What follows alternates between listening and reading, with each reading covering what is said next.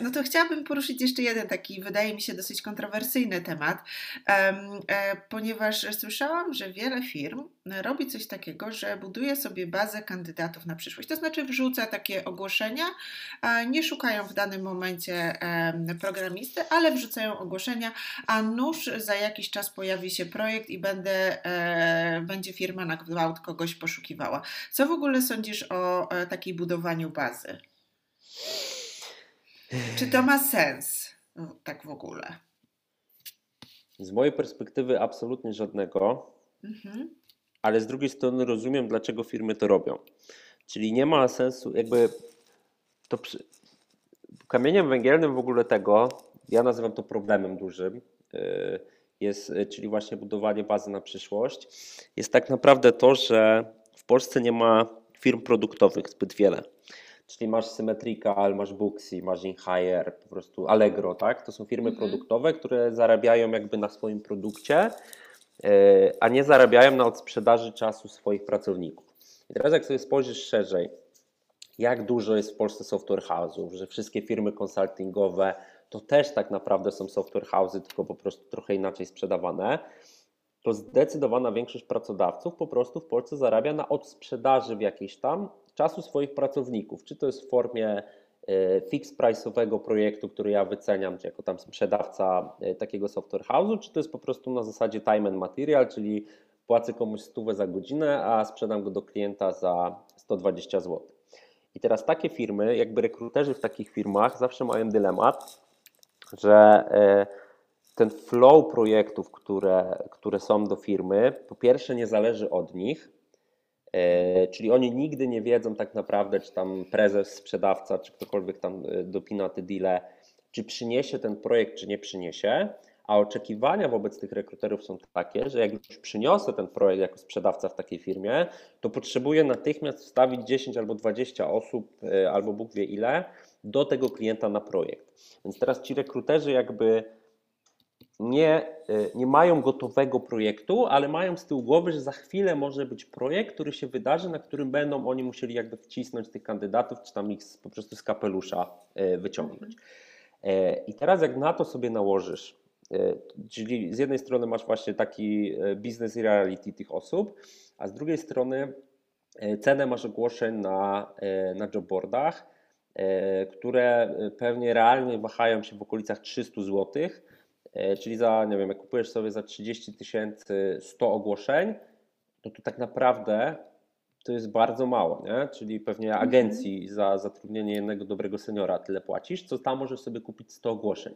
Więc tak naprawdę nic nie kosztuje Cię opublikowanie tych ogłoszeń i sobie ci ludzie sobie kapią i kapią i kapią i faktycznie jest takie przeświadczenie wśród klientów, że a jak trafi się jakaś perełka, to my go sprzedamy klientowi, bo będzie super.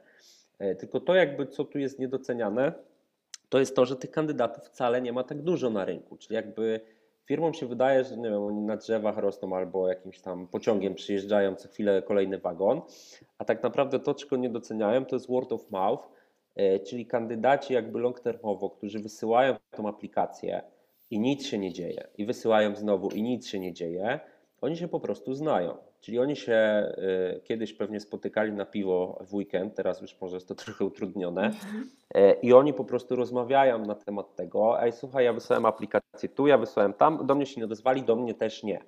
I to jakby, co moje firmy y, moim zdaniem robią źle, to właśnie strzelają sobie w kolano wrzucaniem tych ogłoszeń, na które nie mają realnie zapotrzebowania, bo ci ludzie między sobą po prostu rozmawiają. I skończy mhm. się tak, że przerobią tych kandydatów ileś procent, ten jakiś procent będzie rozmawiał z kolejnymi swoimi kolegami i nagle się okaże za dwa lata, że mamy problem, bo nikt do nas nie chce aplikować. Bo nie widzi sensu, bo i tak się nikt na przykład przez jakiś czas tam nie odzywa, prawda? Dokładnie tak. Mhm. No więc jakby to z, mhm. z, jednej strony wydaje się naturalne i logiczne rozwiązanie, a z drugiej strony tak naprawdę, e, nie wiem, to Maja chyba zawsze mówi Gojtkowska, mhm. że candidate, ja to powtarzam e, po Majce, że candidate experience to jest najlepszy employer branding, jaki ty możesz sobie w życiu zrobić. Czyli co z tego, że zasponsorujesz ławki nad morzem, e, pozdrawiam Allegro, bo ostatnio byłem na Helu i nawet ławki były, czy tam stojaki na mhm. rower z ich brandem. Co z tego, że masz budżety na to eBay to robisz, jeżeli potem jakby nie dociągasz tego candidate experience, to oczywiście nie znaczy, że Allegro tego nie robi, bo to robi. Więc jakby dlatego moim zdaniem to, to budowanie tych ogłoszeń jakby na zaś mhm. jest bardzo, do, bardzo złym jakby procederem, ponieważ nie mhm. jesteś w stanie zapewnić tym ludziom potem tego candidate experience. Mhm. Okej, okay, czyli sobie po prostu pod kątem employer brandingowym, e, no, że tak powiem, e, słabo e, to, mm, słabo sobie z tym radzą, bo, bo nie jest to żadne rozwiązanie. To w sensie, jak możesz zapewnić candidate experience, jak ty faktycznie nie możesz tego człowieka zatrudnić? No, dokładnie. I co masz mu przez miesiąc albo rok mówić, słuchaj panie kandydacie, no już tam dopinamy, dopinamy, to jeszcze nie składaj tego wypowiedzenia, to jak za pół roku się do ciebie odezwę, to wtedy złożysz. No come on, no. ci ludzie naprawdę mają w czym wybierać. Mhm. Dlatego mm, powiem Ci nawet taką anegdotę. My kiedyś, e, my w ramach naszego biznesu, e, u nas się rejestrują po prostu kandydaci. I my chcieliśmy zrobić taki odwrócony w 100% model, czyli jak się rejestruje nas fajny kandydat, e, mhm. to dzwonimy do naszych klientów i mówimy: Słuchaj, mam kandydata X. Mhm. E, I robiliśmy taką próbę jakiś czas temu, że wybraliśmy sobie kilku kandydatów, takich wiesz, bardzo mhm. doświadczonych, z fajnym stakiem, po prostu mucha nie siada. E, I ja osobiście zadzwoniłem do 20 naszych klientów, których ogłoszenia wisiały na jobboardach, właśnie z takim message'em. Cześć, Ania, Kasia widzę, że szukasz tam kandydata X, a ja mam akurat kandydata X, e, daj nam to ogłoszenie, to my zaraz do niego zadzwonimy i on do ciebie zaaplikuje. I wyobraź mhm. sobie, że 20 na 20 feedbacków, jakie dostałem, było, wiesz co, ale my tak naprawdę nie potrzebujemy tej osoby, więc jakby nie chcemy się wygłupiać i u was tego publikować. Okej, okay, czyli to... właśnie te fake e, e, ogłoszenia. Tak, czyli ja na to mówię ogłoszenia mhm. widmo, tak zwane. Mhm. Okej, okay. no to mega zaskakujące. No powiem Ci, dla mnie to był straszny szok, jak duża skala jest tego tak naprawdę. Mhm. E, no, no właśnie, zacząłeś mówić e, o e, InHire, a możesz powiedzieć dokładnie, może ktoś nie wie jeszcze, czym InHire się zajmuje, opowiedzieć trochę o firmie, w której jesteś cofounderem. Yy, wiesz co, InHire to jest takie idealistyczne miejsce, które wierzy, yy, wierzy w to, że jakość jest ważniejsza od ilości.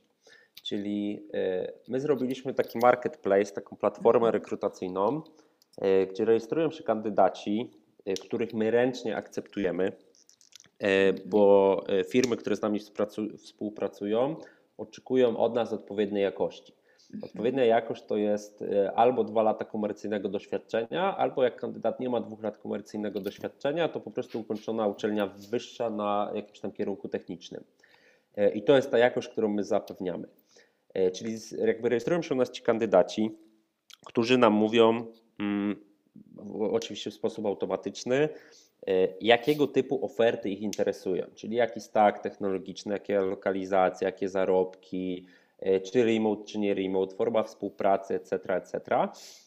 I z drugiej strony mamy pracodawców, którzy szukają kandydatów i firmy jakby publikują u nas ogłoszenia, e, procesy rekrutacyjne, określają nam dokładnie te same parametry, czyli jakich z kolei oni szukają kandydatów i my mamy po prostu e, system, taki algorytm, który maczuje, czy tam łączy obie strony i tym kandydatom, którzy faktycznie są w profilu danego pracodawcy, wysyłamy na maila dedykowaną ofertę od tego konkretnego pracodawcy. E, no i ta baza kandydatów nam cały czas fajnie rośnie, około 150-200 nowych kont tygodniowo mamy, takich, które akceptujemy.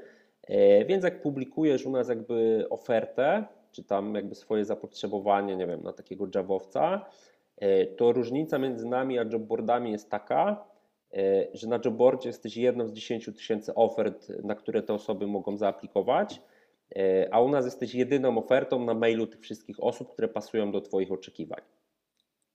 Okay. Czyli robimy to jakby inaczej niż jobboardy, bardziej jak agencja, ale w zautomatyzowany sposób. Mhm. No bo właśnie w jednym chyba z wywiadów e, przeczytałam, że e, InHire może mieć coś wspólnego z EmployBotem. Czy to właśnie te algorytmy, o których e, wspomniałeś?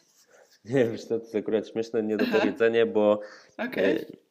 nazwa InHire powstała w pewnej restauracji na E, Powiślu w Warszawie. Mhm. E, z połączenia dwóch słów inbound hiring.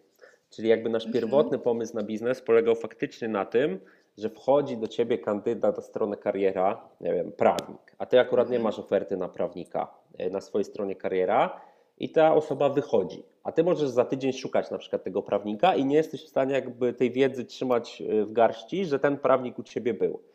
E, więc nasz pierwotny faktycznie pomysł na biznes polegał na tym, żeby zgarniać CV, czy tam zachęcać wszystkich kandydatów, którzy odwiedzają Twoją stronę kariera do tego, żeby zostawili tą CV-kę, tą aplikację i ten algorytm miał ich jakoś sobie klasyfikować, dopasowywać do Twoich ofert i mówić Ci w przyszłości, słuchaj, była taka osoba u Ciebie tydzień temu, odezwij się do niej.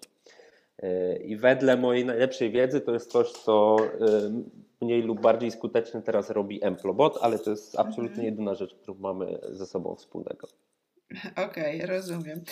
Um, a powiedz mi, ponieważ e, też w jednym z wywiadów z Tobą um, przeczytałam, że jesteście w stanie wpływać na to, jak szybko pracodawcy procesują e, kandydatów zainteresowanych danym stanowiskiem. To jest generalnie dosyć duży e, problem, jeżeli chodzi o rekrutację. One często się bardzo rozciągają. Jak to robicie, że jesteście właśnie w stanie mieć wpływ na swoich klientów? Chcesz długą czy krótką odpowiedź? E, taką, żeby e, była interesująca, więc może być e, długa. Mm, dobra. Mhm. Wedle mojej najlepszej wiedzy w Polsce 120 tysięcy osób w IT. Takich kandydatów, których się da zatrudnić. Aha. Jak sobie prześledzisz liczby, którymi się chwalą jobboardy, ile osób przez nas aplikuje miesięcznie, to wyjdzie ci, że miesięcznie przez nich aplikuje 150 tysięcy osób. Aha czyli 150% y, tego, co jest jakby total liczba kandydatów w Polsce co miesiąc. I teraz są drugie badania, które mówią, że kandydaci IT zmieniają pracę y, raz na dwa lata, raz do roku. Czyli nawet jakbyśmy założyli, że raz do roku zmieniają wszyscy pracę, to jak masz 120 tysięcy osób w IT w Polsce, to średnio 10 tysięcy z nich, dokładnie 12, zmienia pracę w ciągu roku. Więc jak sobie to podzielisz na miesiące, to ci wychodzi, że 1000 osób miesięcznie w Polsce zmienia pracę, takich prawdziwych IT.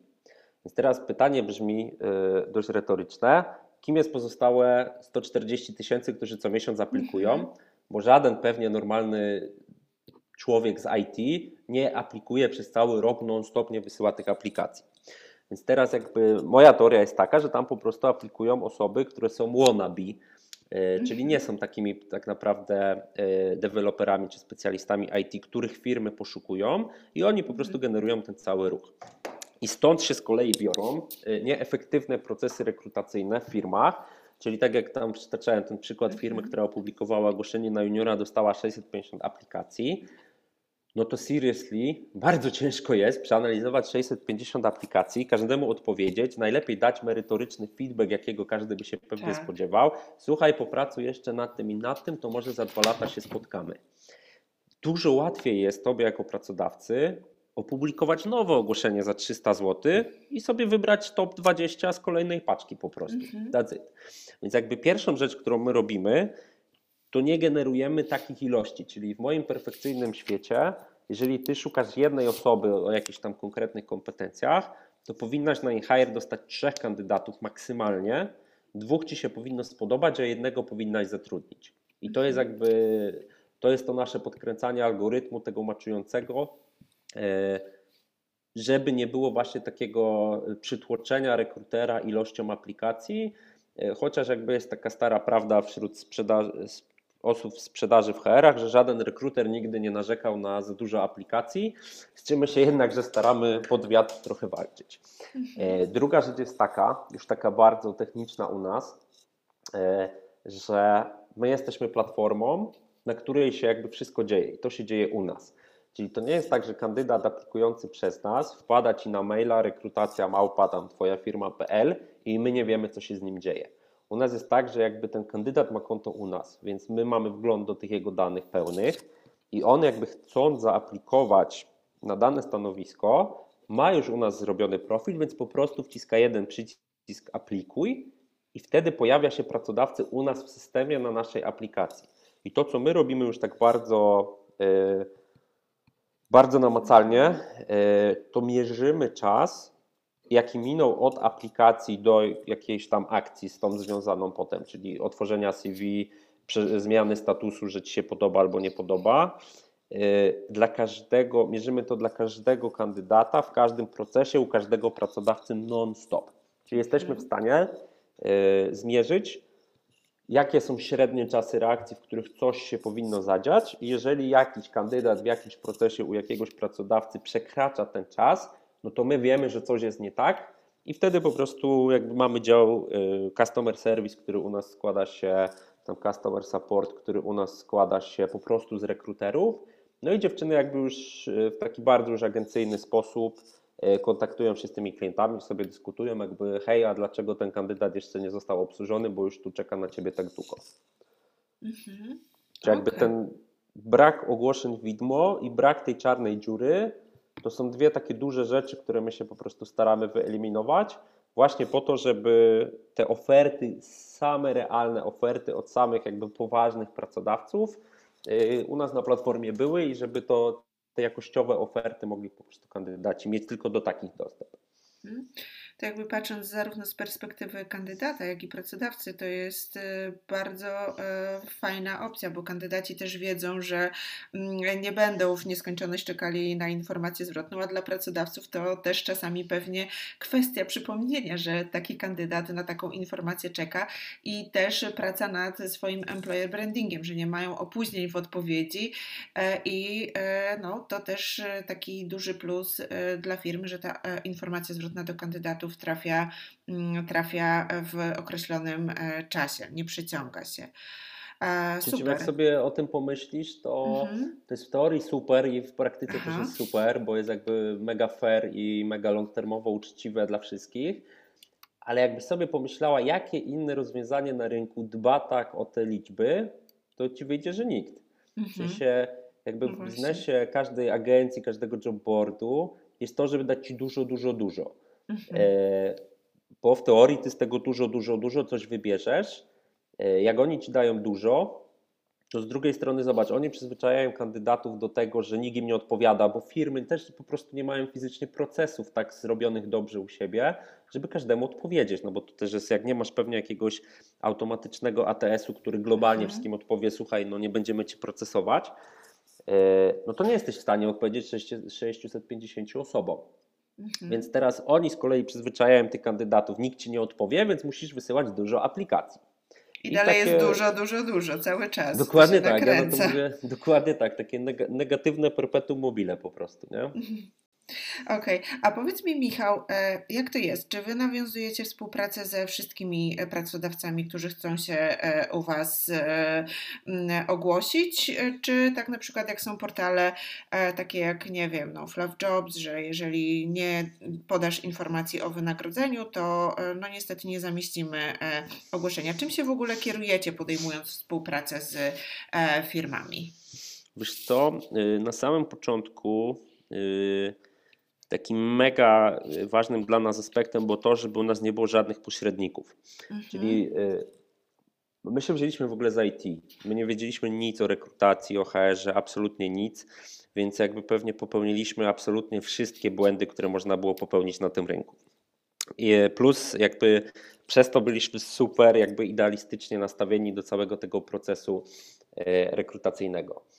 E, więc jakby pierwszy element był taki, że e, nie chcemy mieć u siebie pośredników, żadnych, ever, żadnych, nic, nigdy. Mhm. E, no i jakby z biegiem czasu się okazało, że publikują się u nas pośrednicy w postaci na przykład firm outsourcingowych, nie wiem, teraz e, nie wiem, czy mogę nazwami jakby mówić, ale to jest mhm. pewnie łatwo sprawdzalne u nas na stronie, którzy, którzy się publikują, a którzy nie. Czyli firmy e, rekrutacyjne też, tak? Firmy outsourcingowe. Outsourcingowe, a okej. Okay. Mhm. tak. No i się okazuje, że taka firma outsourcingowa zajmująca się stricte rekrutacją jest w stanie zatrudnić specjalistę trzy razy szybciej niż klient końcowy. Aha bo ta firma z kolei ma jakby wypracowane sobie już procesy decyzyjne u swoich klientów końcowych, na przykład bezpośrednio z hiring managerami. Czyli jakby omijają ten cały jakby overhead taki formalny i po prostu biorą tego kandydata, idą do hiring managera i mówią, słuchaj, bierzesz czy nie bierzesz, podoba ci się czy nie. bo z kolei oni na tym też zarabiają, czyli mają incentyw finansowy, żeby to było super efektywne. E, Więc jakby ten model perfekcyjnego klienta bardzo, bardzo u nas jakby ewoluuje i ewoluował i cały czas się z tym bawimy. E, To, co na pewno jakby e, na co cały czas zwracamy uwagę i tutaj na pewno się nic nie zmieni, to wszystkie firmy, które u nas są, wiedzą, że u nas są. Jakbyś sobie spojrzała na ogłoszenia na portalach ogłoszeniowych, Mhm. to okaże się, że na przykład 90% ofert z zagranicy prowadzi cię do LinkedIna. Mhm. Czyli oni po prostu jakby pod marką e, swoją ściągają oferty z zagranicy albo z LinkedIna, albo ze stron korporacyjnych jakichś wielkich firm, które nie mają pojęcia, że oni na przykład w Polsce istnieją i mówią potem wszystkim dookoła, patrzcie, jesteśmy najwięksi, najfajniejsi. I teraz znowu to jest moim zdaniem super nieetyczne.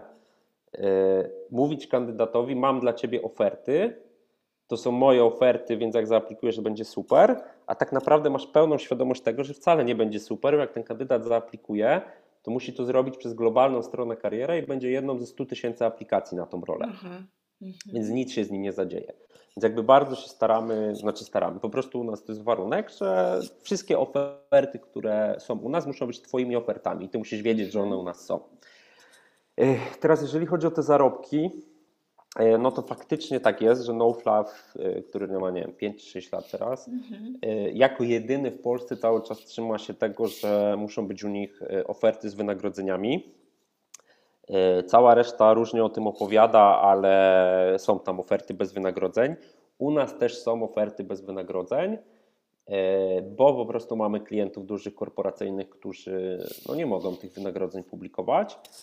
E, Co się potem okazuje? E, Po aplikacji kandydata na taką ofertę, pierwsze pytanie, które zawsze kada, e, zadaje kandydat rekruterowi, to jest: No, fajnie zaaplikowałem, ale jakie macie widełki? Mhm. E, I teraz my widzimy, że to jest problem, że kandydaci jakby dużo mniej chętnie aplikują na tego typu oferty. No dlatego wymyśliliśmy jakby rozwiązanie, o którym nie wiem, czy jeszcze mogę mówić, ale właśnie jesteśmy w trakcie patentowania takiego rozwiązania, które ten problem dla 70% firm, które nie publikują widełek rozwiąże. Mhm. Czyli my będziemy w stanie zmaczować ofertę do oczekiwań finansowych kandydata, nawet wtedy, jeżeli firma nie publikuje widełek. To już widzę, że będziemy musieli się umówić na kolejną rozmowę, żeby e, jak będziesz mógł więcej o tym opowiedzieć, żeby porozmawiać. Wiesz to jakby Okej. mamy już to Mhm. zrobione, przetestowane, działa cudownie yy, i Mhm. jest super, tylko po prostu czekamy na jeden numerek jeszcze z urzędu patentowego, bo już było parę takich rozwiązań, które my wdrożyliśmy, a potem były na różnych jobboardach dostępne, więc jakby Mhm. tym razem po prostu to najzwyczajniej w świecie opatentowaliśmy. Super, bardzo fajny pomysł. Um, Okej, e, Michale, a e, chciałam zapytać jeszcze, jak przyciągacie w takim razie e, kandydatów, żeby mm, no tutaj zostawiali swoje dane na waszej platformie?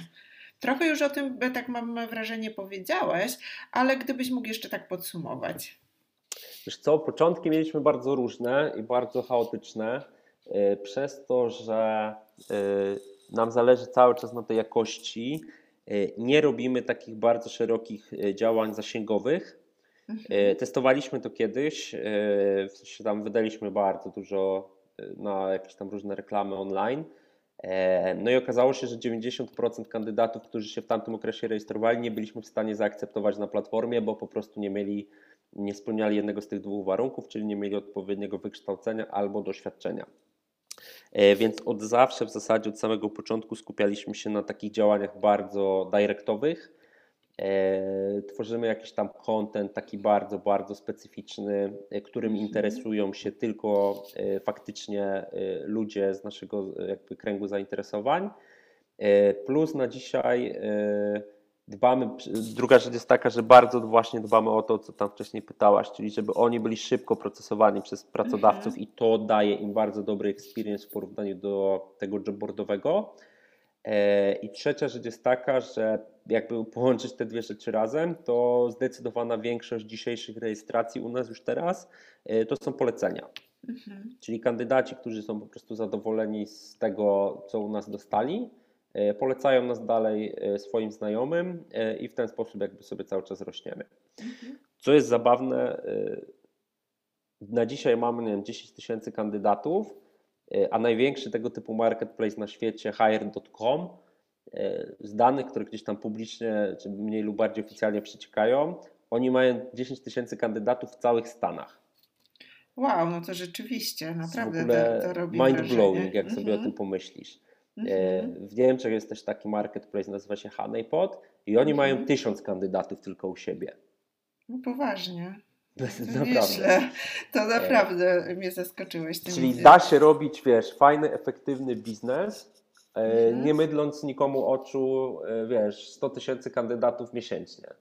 Bo to jest Mhm. wcale zupełnie niepotrzebne, bo oni po prostu oni nie zmieniają pracy albo nie są prawdziwymi kandydatami. No. Mhm. Okej. A, a powiedz mi, e, z kim współpracujecie? Czy jakby wasi odbiorcami waszych usług, mam tutaj na myśli klientów e, Mhm. poszukujących pracowników, czy e, fokusujecie się tylko na firmach IT technologicznych, e, czy, czy niekoniecznie? E, Raczej tylko, e, Mhm. bo my jednak mamy, nie wiem, czy tak można powiedzieć ładnie, czy to jest elegancko, Mhm. ale mamy tych po prostu lepszych kandydatów, Mhm. czyli tych, których wszyscy poszukują, czyli doświadczonych z jakimś tam expem, Mhm. nie skoczków, Mhm. e, etc., etc. E, No i oni po prostu mają konkretne oczekiwania wobec ofert. Czyli oni chcą Okej. pracować, tak jak ty mówiłaś, że, że rozmawiasz sobie z kandydatami, Mhm. czyli oni chcą pracować w firmie, która robi ciekawe rzeczy, płaci godziwie, da się tam dojechać, da się tam zaparkować. e, Mhm. Na jakimś poziomie są ludzie, z którymi będę pracował, czyli czegoś się od nich nauczę. No i moim zdaniem to, na co kandydaci zwracają bardzo mocną uwagę, kim ja będę za 3 do 5 lat jednak. Mhm. Czyli nie chcę być, wiesz, pewnie w dużej większości jakby są też takie badania, które mówią, że oni chcą po prostu zostać specjalistami. E, Więc nie chcę być na przykład, wiesz, jakimś tam, stać się menadżerem od forward managementu, czyli przepychać maile moich devów, tylko ja Mhm. faktycznie chcę wiedzieć, y, co się w tej technologii dzieje na świecie. E, No więc teraz jak o tym pomyślisz, że to są realne oczekiwania tej grupy docelowej, która jest u nas zarejestrowana, e, no to tylko firmy technologiczne takie warunki są im w stanie zapewnić. Tak. W sensie Okej. moglibyśmy sprzedać, wiesz, swoją usługę nie wiem, salonowi kosmetycznemu, który szuka frontend dewelopera, który im zrobi stronę, ale z wielkim prawdopodobieństwem jestem w stanie stwierdzić, że to byłoby po prostu e, mega słabe, żeby ich na coś takiego naciągać, bo kandydaci, którzy są zarejestrowani u nas, e, wcale nie, e, wcale nie szukają tego typu ofert, tylko raczej szukają Mhm. ofert takich mocno rozwojowych. Mhm. Co z kolei jeszcze nawiązując do tego całego raportu, E, Mhm. To też jest w ogóle super ciekawe, bo tam mieliśmy gdzieś taki wykres, który pokazuje, e, jaki procent firm publikuje daną liczbę ogłoszeń jednocześnie. Mhm. I wyobraź sobie, że ze wszystkich ogłoszeń na tych e, portalach ogłoszeniowych e, 80% firm nie publikuje więcej niż trzy oferty. Okej. Mhm. Czyli to pokazuje, jak rozdrobniony jest rynek, jak jest dużo małych firm, które po prostu szukają, wiesz, jednej, dwóch, trzech osób maksymalnie, E, a tak naprawdę jest bardzo ograniczona ilość firm, które szukają, wiesz, e, dużych wolumenów, no nie? Mhm. Albo jak szukają, to po prostu szukają ich gdzieś tam bezpośrednio swoimi kanałami, a nie jobboardowymi e, z jakiejś tam przyczyny. Mhm. A e, powiedz mi jeszcze, e, czy, czy wy pracujecie tylko, czy wasze oferty pracy, czy wasi klienci są e, z Polski, czy ewentualnie zdarzają się jakieś oferty pracy dla programistów spoza Polski? Wiesz co, no najdalsze oferty, które mieliśmy były z Australii, Aha, czyli całkiem E, daleko. całkiem daleko, tak. Mhm. E, My się szybko nauczyliśmy. E, Też jest taka druga taka platforma w Polsce podobna do nas, która się Mhm. tego do tej pory nie nauczyła, e, że fokus jest bardzo ważny. Czyli my Mhm. tak naprawdę przez pierwsze półtora roku naszej działalności w ogóle się nie wychylaliśmy poza Warszawę i mieliśmy tylko oferty z Warszawy. Czyli Mhm. nauczyliśmy się, że mega ważne w naszym biznesie jest to, żeby nie rosnąć za szybko. Czyli musisz mieć popyt i podaż na podobnym poziomie, czyli nie możesz dorzucić tam mega dużo ofert albo mega dużo kandydatów, bo zawsze będziesz budzić jakąś tam frustrację w drugiej stronie. Mhm. E, Więc jakby bardzo świadomie, bardzo stopniowo zaczęliśmy się rozrastać na inne miasta w Polsce. E, No i to, w czym faktycznie COVID nam e, pomógł i pewnie całej branży, to w tym, że ta praca zdalna w jakiejś tam formie na pewno z nami zostanie, czy to hybrydowej, czy pełnej. Pewnie każda firma ma do tego jakieś różne podejście. E, więc faktycznie nasz duży plan na przyszły rok to jest e, bardziej proaktywne otwieranie się na klientów z zagranicy, bo już mieliśmy klientów z mhm. Izraela, z Niemiec, z Londynu, z Portugalii, e, ze Stanów, z Australii, ale oni wszyscy znaleźli nas sami. My absolutnie nie robiliśmy nic, żeby do mhm. nich dotrzeć. I jak się potem okazywało, oni mieli jakichś już deweloperów z Polski. Po prostu rekruterzy stamtąd pytali się tych deweloperów, słuchaj, mhm. co możemy zrobić, żeby znaleźć kogoś takiego jak ty? I oni polecali nas, co dla nas jest jakby super fajne. E, ale faktycznie no, na pewno jesteśmy w stanie zrobić dużo, dużo więcej, żeby te firmy pozyskiwać. E, tylko znowu jakby nam zależy na tym, żeby to byli faktycznie nasi klienci, e, a nie scraper, który sobie wiesz, przeleci jakieś tam jobboardy zagraniczne i mhm. wyświetli tu 10 tysięcy ofert wiesz, z Niemiec czy z Londynu samego, bo coś takiego byśmy, bylibyśmy pewnie w stanie w tydzień zrobić. Nawet kiedyś z tą myślą mocno flirtowaliśmy, ale jednak stwierdziliśmy, że to jest po prostu mhm. najzwyczajniej w świecie nieetyczne. Okej, okay, rozumiem. E, Michale, mam jeszcze jedno pytanie, e, dosyć interesowne, jakby patrząc na to, czym ja się zajmuję. E, czy, e, czy Wasza platforma jest też, czy może być wsparciem dla rekruterów, headhunterów? Wspomniałeś o tym, że firmy mm. outsourcingowe się u Was e, ogłaszają i jest to dla nich duża korzyść. A, a czy również współpracujecie właśnie z freelancerami, rekrutami, rekruterami, headhunterami, czy raczej jesteście dla tych e, osób e, konkurencją? E, jak to w świecie bywa, to zależy. Okej. Okay. Wiesz co? Mm, to zależy od tego, jakich ty masz klientów i jaką masz z nimi mhm. podpisaną umowę. Jest teraz u nas Bitalents. Wczoraj mhm. nawet byłem na kolu jakimś tam większym z nimi. Mm, I oni na przykład robią to super fajnie, czyli oni nie używają zwrotów w stylu dla naszego klienta z branży X albo dla lidera w branży oto, moto, e, czy tego typu jakichś tam frazesów, tylko jesteśmy z nimi umówieni tak, że oni jak publikują u nas oferty, to zawsze piszą, jaki to jest klient. Mhm. I teraz ja osobiście się mocno nawróciłem na to, e, bo kiedyś nam się wydawało, że wszyscy jakby wszystkie agencje to są po prostu zbędne ogniwa tego łańcucha. Mhm. Jak się okazuje, znaczy jak się okazuje, jak ja się w końcu dowiedziałem e, w moim długim procesie nauki, e, jest po prostu tak, że oni są często wybawieniem jedynym dla tych firm, mhm. które sobie po prostu z tym nie radzą, bo mają za dużo, bo nie potrafią, bo muszą szybko wrosnąć, bo są za mali i dopiero wchodzą w tą rekrutację i nic nie mają przygotowane.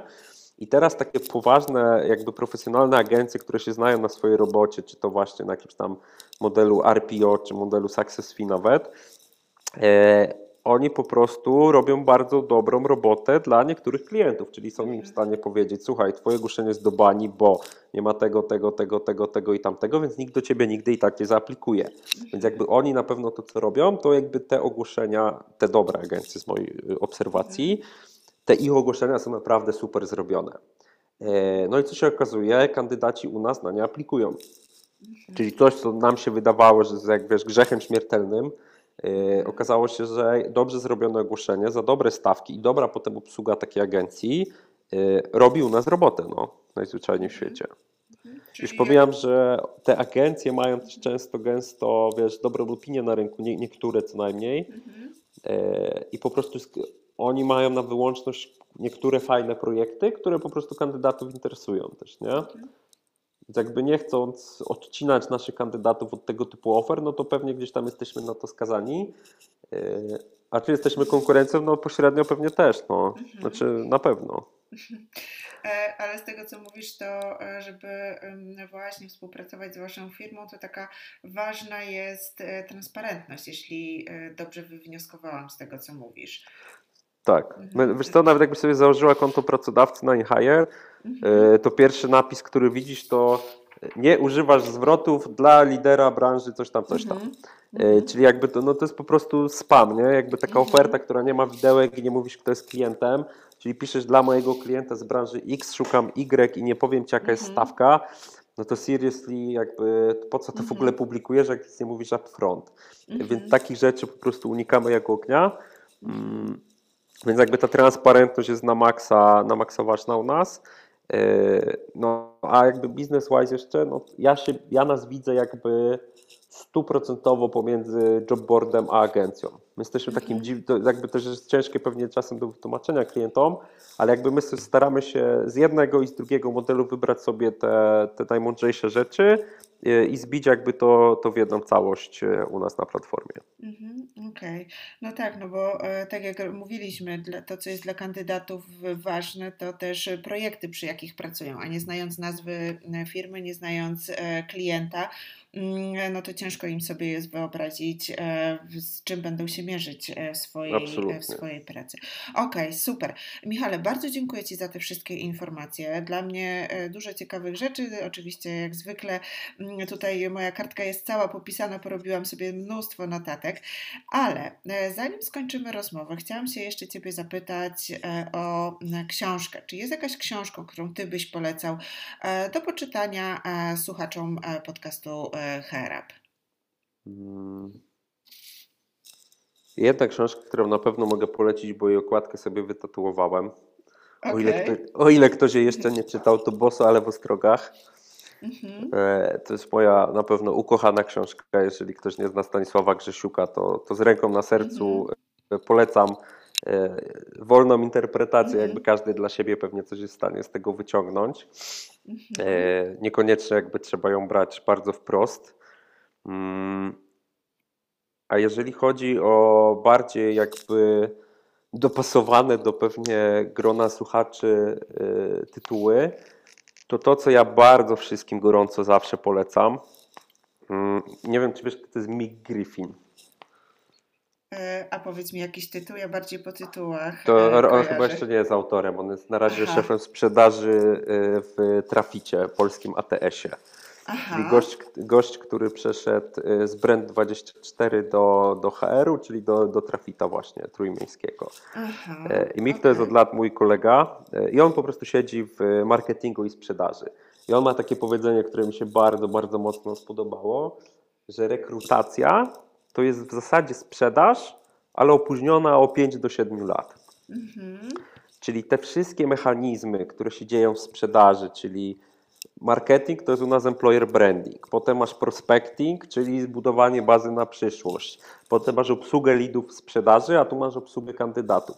Tak. E, I teraz jak sobie o tym pomyślisz, to faktycznie tak jest, z dokładnością do tego, że w sprzedaży ta jakby cała ta metodyka jest świetnie jakby zrobiona, opomiarowana, przeanalizowana, a w rekrutacji bardzo często jeszcze nie jest. E, więc jest na przykład taka książka e, Predictable e, Revenue albo e, Predictable Prospecting, e, która właśnie mówi o tym, jak budować w działach sprzedaży przewidywalne lejki, czyli jak ty wykonasz X akcji jakiejś tam, to na koniec dnia będziesz miała Y zatrudnionych kandydatów. I w działach sprzedaży to jest tak cudownie opomiarowane, że jesteś w stanie to sobie podzielić na typy klientów i na różne aktywności, które możesz robić i wiedzieć, że tu przyłożony effort przełoży się na taki wynik, a wydaje mi się, że w rekrutacji bardzo mało firm w ten aż sposób do tego podchodzi. E, Więc jeżeli ktoś jakby nigdy nie interesował się e, metodykami jakby budowania działów sprzedaży nowoczesnych, to zdecydowanie te dwie pozycje polecam, które powinny jakby Wam otworzyć bardzo oczy, jak fajnie można to sprofesjonalizować. Wczoraj nawet miałem kola z taką wielką międzynarodową firmą, która tu w Polsce rekrutuje. Jak oni mi opowiadali, jak oni to robią, to serio to był od trzech lat te kole mam codziennie i jeszcze w życiu nie słyszałem, żeby ktoś to robił tak dobrze, dokładnie w sposób, który jest opisany w tej książce. Aha. E, Więc Predictable Revenue albo Predictable Prospecting to są dwa takie, e, dwa tytuły, które bym z, z ręką na sercu polecił. Okej, super. To w takim razie podlinkuję w opisie odcinka. E, Michale, no i na zakończenie chciałabym e, Cię zapytać, gdzie możemy Cię znaleźć? Jak się e, możemy, znaczy ja wiem, jak ja się, jak, gdzie ja Cię mogę znaleźć, ale słuchacze, gdzie mogą Cię znaleźć, jak się z Tobą skontaktować? Wiesz co, jeżeli e, słuchaczami są osoby, Mhm. które się zajmują rekrutacją, to myślę, że byłoby obraźliwe dla nich, jakby musiał o tym mówić, bo po prostu tak jest mnie łatwo znaleźć, Mhm. e, że po prostu, znaczy jestem wszędzie, mój numer telefonu też jest bardzo łatwo namierzalny, także czy to jest Facebook, LinkedIn, czy cokolwiek innego, chyba mój nawet numer jest w stopce naszej strony internetowej, więc jakby bez problemu, jak ktoś będzie chciał, to na pewno nie znajdzie. Czyli wpisujemy imię i nazwisko i e, nie ma najmniejszego. I klikamy w cokolwiek, dokładnie. Tak. dokładnie. Super. Michale, bardzo Ci dziękuję za rozmowę. Mm, mam nadzieję, że będziemy mieli okazję e, również spotkać się face to face, no i zwłaszcza jak już e, będziesz mógł jeszcze więcej nam opowiedzieć o swoim patencie, to że będziemy mieli okazję jeszcze e, wrócić do rozmowy, bądź pod kątem nowych raportów, które z tego co mówisz planujecie regularnie publikować. A tutaj też będę miał kolejną niespodziankę, bo tu też robimy małą zmianę. A, okej, okay. no to super. No to na pewno jest. E, Będziemy będzie mieli o czym, rozmawiać. rozmawiać. Jeszcze, tak. Dokładnie, super. Dzięki wielkie za rozmowę i w takim razie do usłyszenia niedługo. Piękne dzięki.